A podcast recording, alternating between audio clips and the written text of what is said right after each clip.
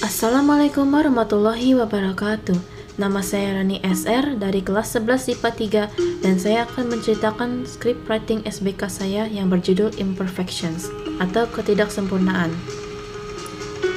Sinopsis Ren, seorang murid perfeksionis dan pelukis, melanjutkan pendidikan ke lingkungan SMA yang menantang. Ia hanya ingin menggapai cita-citanya, namun lingkungan sekitarnya mendorong Ren hingga ke ujung tanduk. Pemeran Ren, sang protagonis, Arisa, teman masa kecilnya, Lica, teman sebangkunya, Miss Rosena, wali kelasnya, Bunana, ibundanya Ren, Eko, alter ego Ren, yang abstrak atau tidak terlihat di dunia nyata, dan saya sebagai narator. Cerita ini merupakan sebuah karya fiksi, nama dan tempat, dan hal lainnya yang tampak sama hanyalah sebuah kebetulan. Namun memang cerita ini terinspirasi dari dunia nyata. Mohon maaf jika saya ada salah kata atau terbata-bata, karena ini pertama kalinya saya melakukan ini. Dan maaf juga hujan sedikit nimbrung, karena lagi sering lebat belakangan ini. Yuk, mari disimak. Pada suatu hari, sinar hangat matahari datang seakan memeluk seorang anak yang berada di ruangan gelap dan dingin. Anak tersebut tersenyum lembut dan menyiapkan alat lukisnya yang terlihat usang, namun dipenuhi bercak memori yang indah. Ia mengikat rambut pendeknya yang sedikit panjang, lalu duduk di depan kanvas. Lokasi, personal workshop. Ren mulai melukis. Tak terasa, SMP sudah hampir selesai. Nanti SMA bagaimana ya? Sepertinya enak mengikuti SMK. Ia terdiam sejenak. Tapi, apakah aku diperbolehkan? Ia menghela nafas dan melanjutkan lukisannya. Arisa sepertinya lanjut ke SMA itu lagi. Dia pasti memberi dirinya gelar cucu sekolah itu lagi. Bernana mengetuk pintu. Ren sayang, bisakah bunda ngomong sebentar denganmu? Ren menjawab, Iya ibundaku yang tersayang, masuk saja. Ruangan indah ini disambut hangat oleh matahari setelah dinginnya malam kemarin hari. Bunana masuk ruangan. Kamu bisa saja membuat kalimat unik setiap saat. Ren tertawa. bisa saja lah. Ia berhenti melukis dan memutar posisi duduknya menghadap ibundanya. Bunda mau ngomong apa ya tadi? Bu Nana berubah menjadi serius. Bunda mau ngomong tentang jenjang lanjutanmu. Bunda pikir kamu lebih baik lanjut ke SMA itu daripada ke SMK. Ren mengalihkan pandangan sejenak, lalu kembali menatap ibu Naya dengan senyuman ikhlas. Tak apa, Bun. Ren senang aja kok. Ren bisa kembali bertemu teman SMP lagi, terutama Arisa. Bu Nana. Alhamdulillah, terima kasih atas pengertiannya ya Ren sayang. Semoga nanti kamu punya teman yang lebih banyak lagi. Bunda pergi beli sarapan ya, lalu keluar kamar. Ren berputar kembali menghadap kanvas. Sungguh, perubahan cuaca mendadak itu rada mengecewakan. Ia mengangkat kanvas yang barusan dikerjakan. Padahal sebagian besar sudah terlukis. Namun memang dunia ini mempunyai kehendak lain. Mungkin aku simpan dulu lukisan ini untuk melanjutkan nanti hari. Ia memamerkan lukisan yang dipegang. Sebuah self-portrait diriku masa depan. Mendesau lalu menundukkan kepala, kemudian berbicara sendiri. Mungkin ini salah satu alasan aku. Ya, aku tahu kalian pasti akan nonton perjalananku secara langsung ataupun tidak. Waktu berlalu, dan hari pertama KBM di Sola dimulai.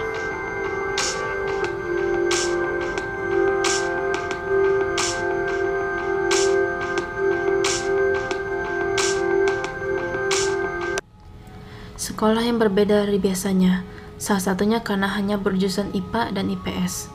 Keluarga Ren ingin pilihan terbaik untuknya, maka ia memilih jurusan IPA. Memasuki kelas yang terlihat bagikan kuburan, ia pun mendekati tempat duduk yang paling depan. Hanya tersisa di dekat jendela, lalu melihat pemandangan luar, lalu melepaskan semua pikiran jenuh pagi hari. Lokasi di kelas pagi hari.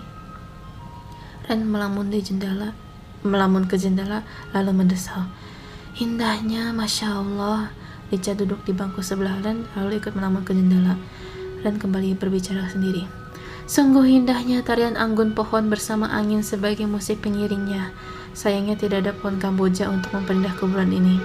Lica berkomen, kata-kata kamu aneh. Terus kok tiba-tiba ada musik ini? Arisa diam-diam mendekati mereka berdua. Misi, oleh cuman angin lewat. Ia menyapa.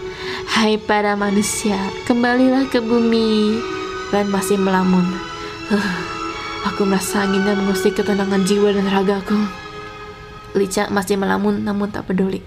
Arisa kembali mendesau. Astagfirullah doa Isan ini. Ia memikirkan sesuatu lalu mendapatkan ide. Kalian cocok jadi partners. Ren Astagfirullahaladzim Sebuah setan ada di antara kita Berputar ke, antara, ke arah suara Arisa Dan menegaskan ta'awuz Arisa berteriak, Weh, weh, weh, santuy manusia. Ren mukanya terkejut lalu tersenyum. Wah, Arisa. Ren, eh, Arisa juga senang melihat Ren. Ren sokapku akhirnya sadar jiwa. Lica di dalam hati. Di mana sih murid yang lain? Masa cuma dua manusia ini? Ren kembali melihat Lica. Oh ya, kamu yang berlamun denganku. Kamu sangat spesial. Panggil saja aku Ren. Bagaimana denganmu? Lica menjawab, hmm, Lica. Arisa menimbrung. Halo Leci, panggil we Arisa. We tuh udah sah temenan sama Ren dari Zigot. Ren, eh, masuk. Lica dengan muka dinginnya. Ya Allah, mengapa engkau menurunkanku di antara dua manusia ini? Lica pun terpaksa terseret dalam obrolan obrolan kedua sahabat lama tersebut. Dan pada akhirnya ia pun berteman dengan mereka walau first impression mereka rada aneh. Satu persatu murid berdatangan dan wali kelas masuk menyambut para murid. Wali kelasnya sangat cantik hingga semua murid terpesona pada pandangan pertama. Namun, di balik kecantikan tersebut tersembunyi hati yang dingin. Miss Rosena berdiri di depan kelas. Good morning, class. Nice to meet new and fresh faces in this morning and congratulations to those who have successfully entered the science major. Perkenalkan nama Ibu Miss Rosena, kalian bisa panggil saya Miss Rose. Saya akan menjadi wali kelas kalian tahun ini dan juga termasuk guru bahasa Inggris kalian. Ibu harap kalian pasti langsung tahu setelah mendengarkan satu dua kata sambutan ibu tadi. Lica ber, berde, uh, berbicara dalam hati. Wakil kita adalah guru bahasa Inggris. Semoga aja nggak pakai full Inggris. Membayangkannya saja membuatku tepar. Miss Rosena kembali berbicara. Untuk mengenali kalian satu persatu, ibu akan meminta kalian memperkenalkan diri dan ibu akan beri poin tambahan untuk kalian yang memakai bahasa Inggris. Apakah ada yang memperkenalkan diri duluan? Ibu akan tambahkan extra points. Ren berbinar-binar lalu mengacungkan tangan. I wanna try first, Miss Rosena. Miss Rosena Yes, go on. Lalu duduk di bangku guru. Ren berdiri dan memulai introductionnya. Uh, Assalamualaikum. My name is Ren Art. You can call me Ren. Nice to meet you all. And I look forward to work together with you all. Miss Rosena kembali menjawab. Good. Extra points for Ren Art. Arisa, wow, sesugarin aku padamu. Ia mengacungkan tangan. Miss, we, eh, astagfirullah. Saya mau coba. Miss Rosena mengangguk. Arisa bermulai.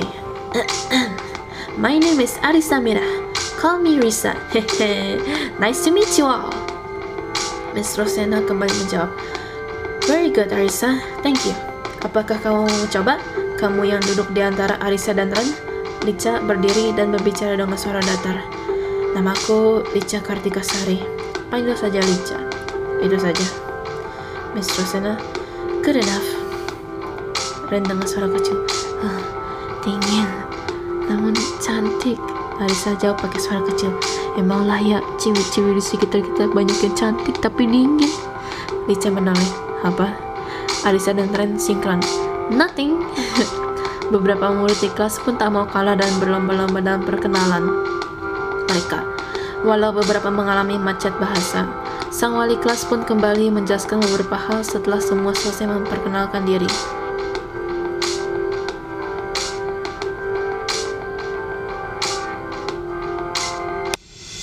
Miss Rosena kembali berbicara. Ibu senang kalian semua bersemangat. Terima kasih kembali Ren atas keberanianmu di awal. Kembali ke kelas. Ibu ingin menjelaskan bahwa kalian harus mempertahankan nilai baik di semua mata pelajaran IPA karena kalian sudah memasuki jurusannya. Namun bukan berarti mapel lain tidak diperhatikan. I'm not gonna tolerate any laziness or rule breakers. Ia menatap murid dengan dingin. Ren di dalam hatinya, sudah kuduga, semoga aku bisa bertahan. Ia berkeringat. Lica berbisik. Ren menjawab dengan suara pelan.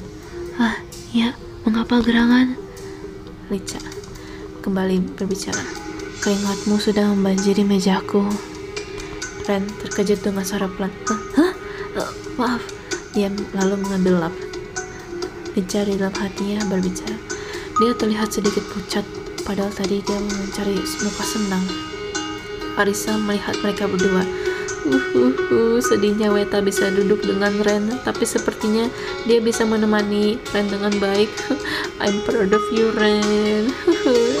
Nangis terharu. Waktu berlalu, seminggu telah pergi bersama perkenalan awal semua mata pelajaran. Setiap mata pelajaran memiliki peraturan ketat, membuat semua murid tegang termasuk Ren. Beberapa minggu kemudian pun berlalu, Ren merasa tidak nyaman dengan sebagian besar guru absen dan menumpukan tugas-tugas kepada muridnya tanpa penjelasan sama sekali tentang materi tersebut. Lokasi kamar Ren malam hari. Ren melamun dan berbicara sendiri. Sudah berapa minggu aku memegang kuas ataupun memeluk kanvas. Apakah ini sebuah cobaan dari sekolah untuk para murid baru? Flashback di kelas. Lica berdiri dari bangku. Miss Rose, sebagian besar guru-guru mata pelajaran lain sering absen. Apa ini tidak apa-apa? Miss Rosena menjawab, sebagian besar dari mereka sakit atau ada urusan keluarga. Namun ibu harap kalian bisa mengurus semua tugas yang diberikan karena telah menjadi kewajiban dan tanggung jawab kalian para murid. Kalian sudah terjebur dalam jurusan IPA, jadi mau tidak mau kalian harus mempelajarinya dengan giat dan belajar mandiri. Terlebih lagi, kalian salah satu kelas unggulan. Lica duduk kembali dan mengalihkan pandangan terlihat rada kesal. Miss Rosena menegaskan suaranya. Kalian mengerti? Arisa menjawab dengan ragu-ragu. Iya, Bu. Kembali ke masa kini, di kamar. Bu Nana menghampiri Ren. Ren, Ren sayang, lalu mengusap belakang Ren. Ada apa sayang? Kamu terlihat pucat. Ren sadar kembali. Oh, oh bunda, aku tidak apa-apa.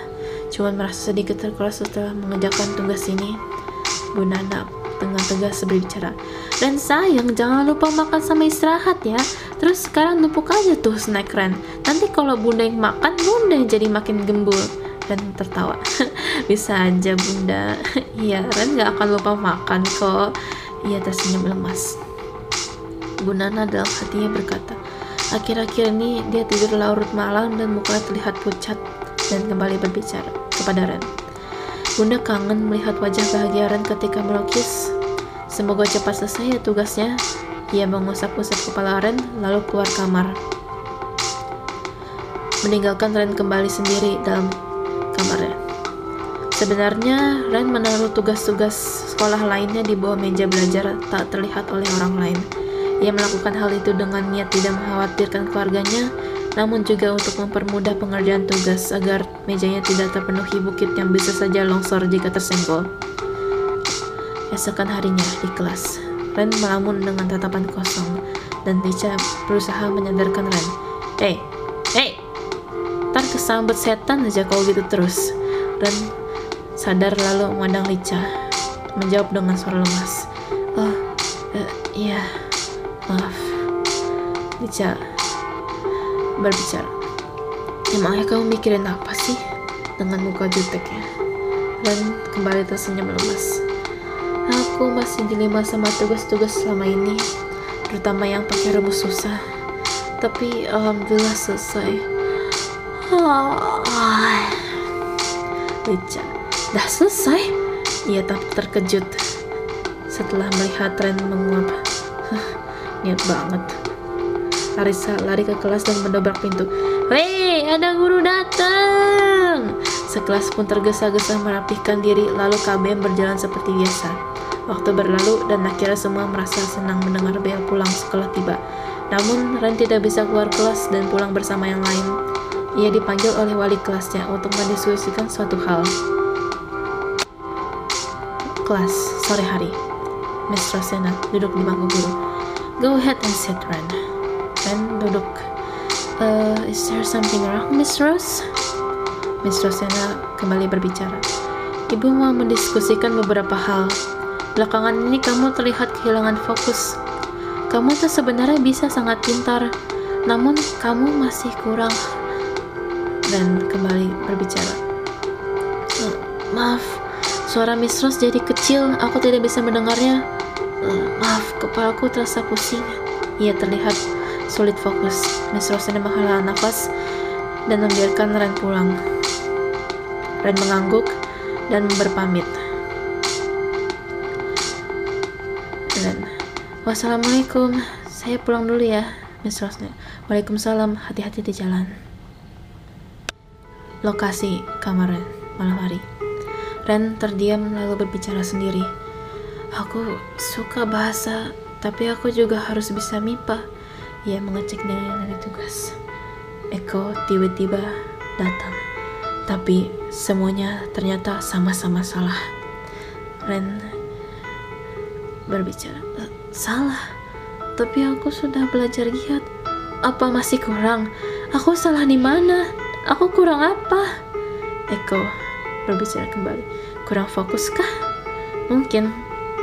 Karena tadi disebut oleh wali kelas. Tapi sayangnya kalimat selanjutnya tak tertangkap. Ren terbahan telentang di kasur. Aku kurang fokus. Kurang mengasah potensi akademik. Eko berbicara kembali. Kalau begitu, singkirkan sementara ambisi dan ilusi impianmu. Dengan begitu, kita bisa fokus total dalam akademik. Ren ragu-ragu. Eh, masih lama juga jalan yang harus dilalui untuk selesai SMA. Ketika kita selesai menaklukkan akademis di SMA ini, kita bisa pantas memeluk impian kita. Ren terdiam, lalu Eko kembali berbicara. Dilema? Soal kehilangan motivasi bisa diurus Nan. Ren memotong lalu bangun. Ada satu tugas yang masih selesai. Deadline-nya panjang tapi teman-teman sekelas sudah duluan mengumpulkannya. Ia menatap kanvas kosong di kamar. Ren mengabaikan suara yang mengganggu kepalanya, lalu beranjak keluar membawa kanvas kosong tersebut ke ruangan yang lama tak dijumpainya. Ia membiarkan cahaya terang bulan menerangi ruangan tersebut, lalu mengeluarkan alat tukisnya yang mulai berdebu dan bersiap-siap memulai tugasnya. Lokasi personal workshop. Ren. Tugas seni dari sekian banyak MIPA selama ini, ia memegang pensil. Eko berbicara.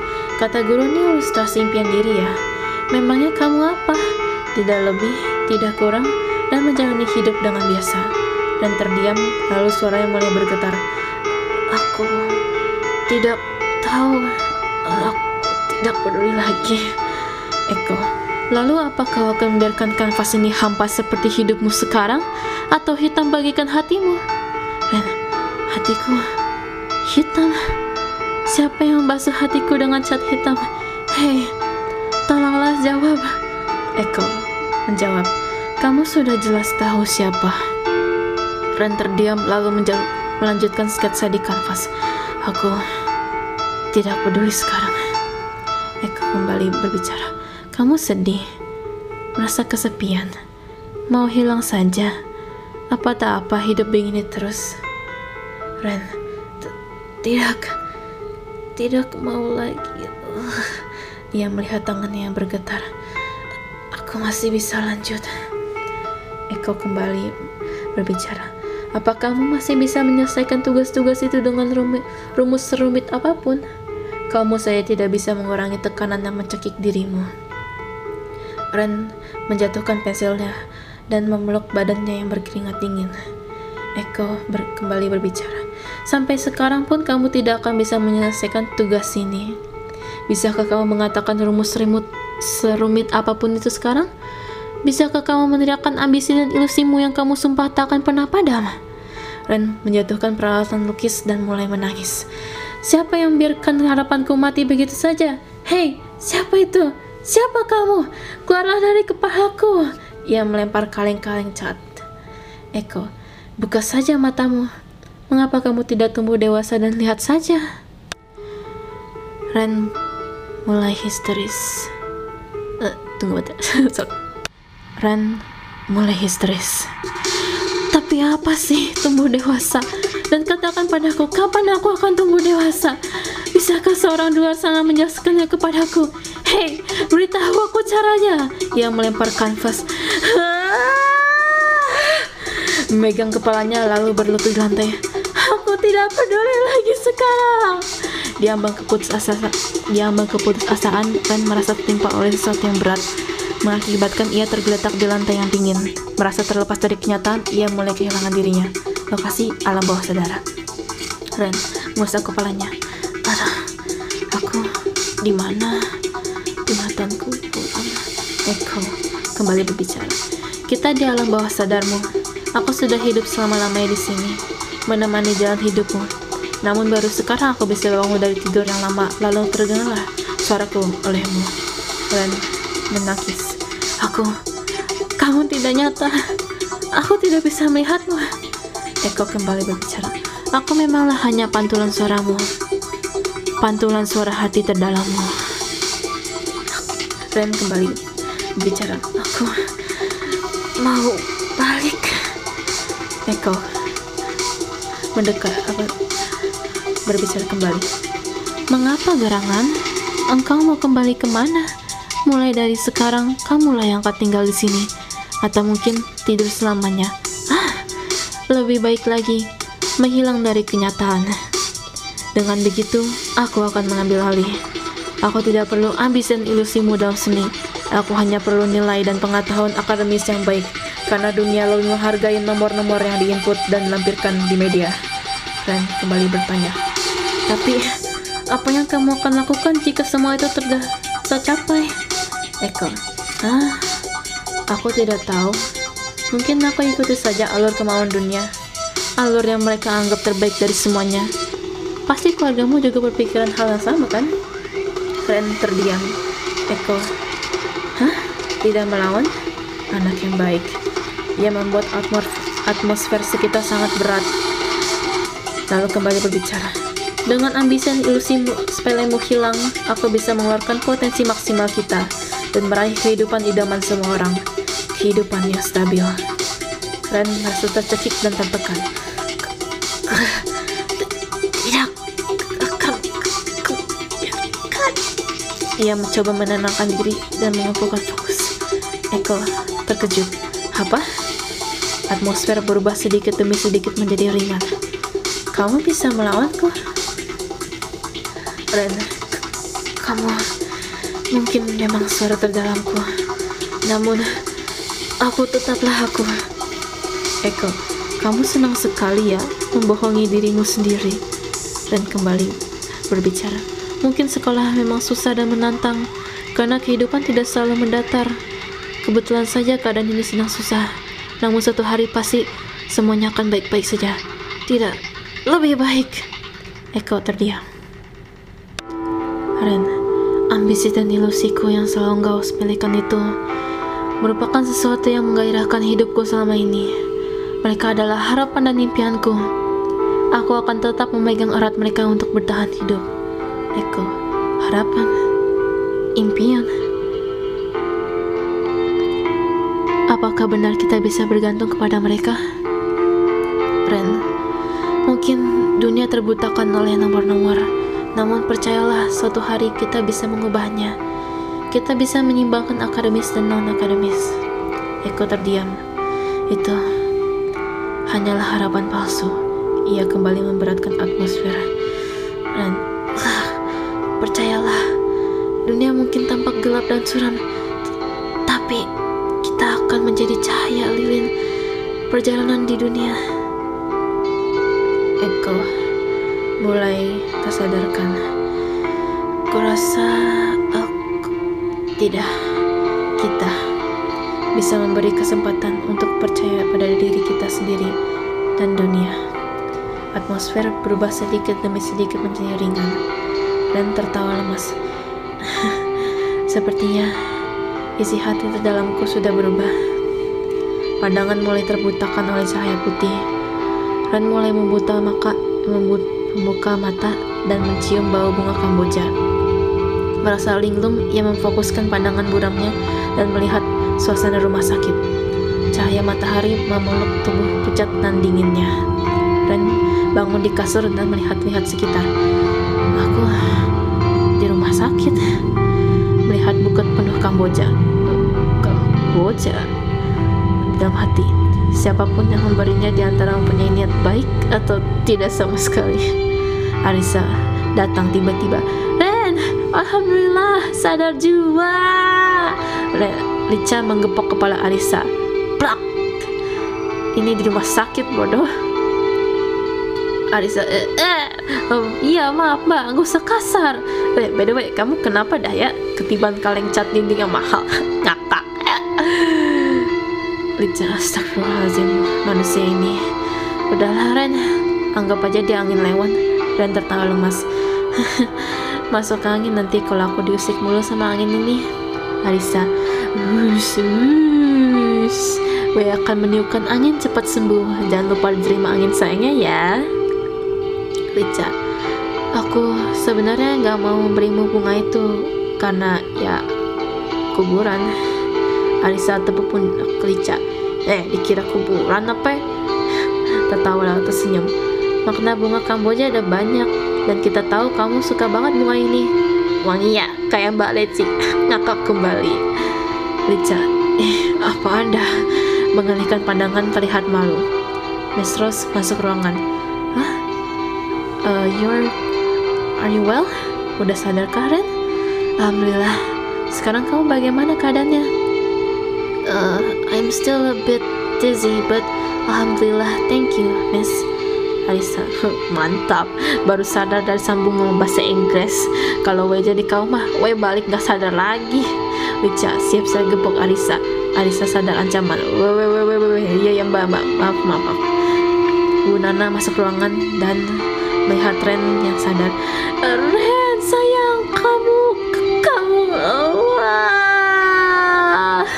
nangis terus meluk erat Ren Ren sesek Bunda Nana, ayo astagfirullah maaf nak Lepas pelukan Maaf ibu datang-datang berisik Tahu gak sih, Bunda khawatir banget pas denger suara macem tawuran di personal workshop kamu masuk-masuk berantakan amat kayak beneran. Terus nemu kamu yang ketiban kaleng cat dinding mahal. Arisa ngak tuh oh ya bener. Lica, uh, aku kagum kamu gak bopak palanya. Ren nafas lega. Ren juga minta maaf tiba-tiba bisa jadi begitu keadaannya. Miss Rosena berbicara. Semoga cepat sembuh ya Ren. Ibu Ren ngutang. Bisa terus semua bilang kalau saya ketinggalan banyak pelajaran sama tugas ya. Aduh, saya harus gimana? Bisa saya pelan-pelan nak. Ibu cuma mau sampaikan hasil-hasil nilai kamu. Kamu telah melakukan progres yang baik selama di sekolah. Kamu bekerja sangat keras di antara teman-temanmu yang lain hingga jatuh dingin sendirian. Ren, terima kasih bu. Maaf saya merepotkan ibu. Miss Rosena, kembali berbicara. Tidak usah meminta maaf, friend. Angkatan kalian kebetulan mengalami kendala yang sangat menantang di awal semester baru. Ibu sudah menyampaikan semuanya ke sekolah. Ibu yakin setelah Ren pulih dan masuk lagi, semuanya akan kembali semua uh, tidak menjadi lebih baik ke depannya. Tersenyum hangat dan mengusap kepala Ren. Ren banjir air mata. Miss Rosana terkejut. Uh, uh, ibu tidak sengaja menyentuh bagian kepala Ren yang masih sakit ya? dan tidak bu ia usap air matanya saya sedang sekali terima kasih Miss Rosena ia tersenyum dan menangis. Bermacam-macam perasaan bercampur aduk dalam ruangan tersebut. Yang pastinya hal baik semua. Waktu berlalu kemudian masa pergi kemari. Dan Ren kembali masuk ke sekolah yang terasa sama namun berbeda. Ia disambut hangat oleh semuanya. Ya itu memang sesuatu yang mengejutkan, karena selama ini ia tak pernah disapa hangat teman sekelasnya ataupun teman sebangkunya. Lokasi kelas, pagi hari. Lica menyapa Ren. Aneh ya, disapa hangat seluruh sekolah. Apalagi gue yang nyapa hangat. Terlihat sedikit senyuman darinya. Arisa, heeh, mending ntar merinding ntar wa Maren kalau kamu yang nyapa hangat tawa dikit Ren wah Lica senyum amazing Lica apa dah mengalihkan pandangan lalu tersenyum lebih lagi Arisa tawa dikit lah Mbak Leci Lica mengepalkan tangan. Kau mau merasakan gepokan aku lagi ya? Canda. Arisa tangannya melindungi kepala. Nggak lucu blok sumba Ren tersenyum lalu mem memamerkan lukisannya. Ini lukisan tugasku yang lama aku simpan namun sudah kuselesaikan. Ia tersenyum lalu melihat keluar jendela. Mulai dari sekarang, sekolah mulai memperhatikan murid-muridnya dan mendukung semua untuk mengembangkan potensial Mulai dari sekarang, sekolah mulai memperhatikan murid-muridnya dan mendukung semua untuk mengembangkan potensial mereka, baik akademik maupun non-akademik. Matahari tersenyum lebar kepada sekolah tersebut, menghangatkan atmosfer sekitar, dan berbicara ke audiens. Akhir dari chapter pilot ini selesai. Sekarang kalian mengerti tidak? Aku sudah memberi foreshadow besar loh di awal. Arisa, ya mari tepuk tangan wan kawan Ikut berbicara ke audiens Selamat bagi yang ngerti dan bagi yang nggak ngerti Boleh diminta pengertiannya Weka weka weka Ngakak, we canda kok guys Licaklus Kalian ngomong sama siapa? Ia melihat-lihat sekitar Kelamaan bareng kali ya Jadi sama-sama gak waras Tamat Mohon maaf jika banyak kesalahannya karena kesempurnaan hanyalah milik Allah Subhanahu wa taala.